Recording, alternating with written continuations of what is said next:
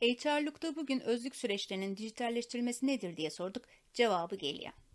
İşletmenin özlük dosyalarında yer alan tüm bilgilerin girişlerinin yapıldığı ve takip edildiği süreçlerdir. Özlük kartları açılır. Eğer işe alım süreçleri dijital olarak ilerlemişse bu kartlar adayın bilgilerinden otomatik olarak oluşur. Her çalışana bir sicil verilir ve çalışan hayatı boyunca bu sicil no ile sistemde işlem yapar. Çalışanın tüm kişisel bilgileri gizlilik prensipleri dahilinde kayıt altına alınır.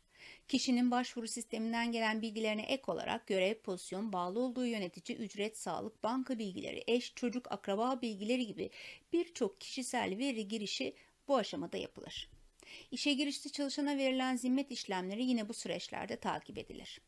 Hatta daha da idari işlere yönelik olarak işletme servis kullanıyorsa kişilerin bindikleri servisler duraklara kadar varış kalkış saatlerine kadar takipler yapılabilir. Kişinin görev pozisyonu ücreti bu süreçlerle değiştirilir. Kişinin terfi işten çıkma işlemleri yine bu süreçlerle yürütülür. Tarihsel bazda kişinin tüm verileri dijital ortamlarda saklanır. Hatta çalışanların kendileri de sistemlere güncel dokümanlar, fotoğraflar ekleyebilir. Ekledikleri bu dokümanlar sayesinde kendileri de sistem üzerinde bilgilerini güncelleyebilirler.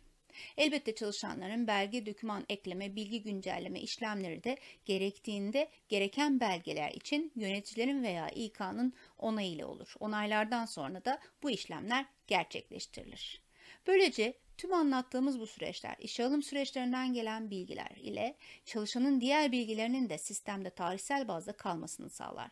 Bu bilgiler sayesinde çalışanın geçmişe yönelik tüm verilerine ulaşılabilir. İşe iade davalarında elektronik ortamlardaki dokümanlar sayesinde hızlıca bilgi toplanabilir. Ayrıca yasal olarak güncel tutulması gereken doküman ve bilgilerin sorumluluğu çalışana verilebilir. HR'lukta bugün özlük yönetimi süreçlerinin dijital dönüşümü nedir bilin istedik. İzlemeyi, dinlemeyi, beğenmeyi ve paylaşmayı unutmayın.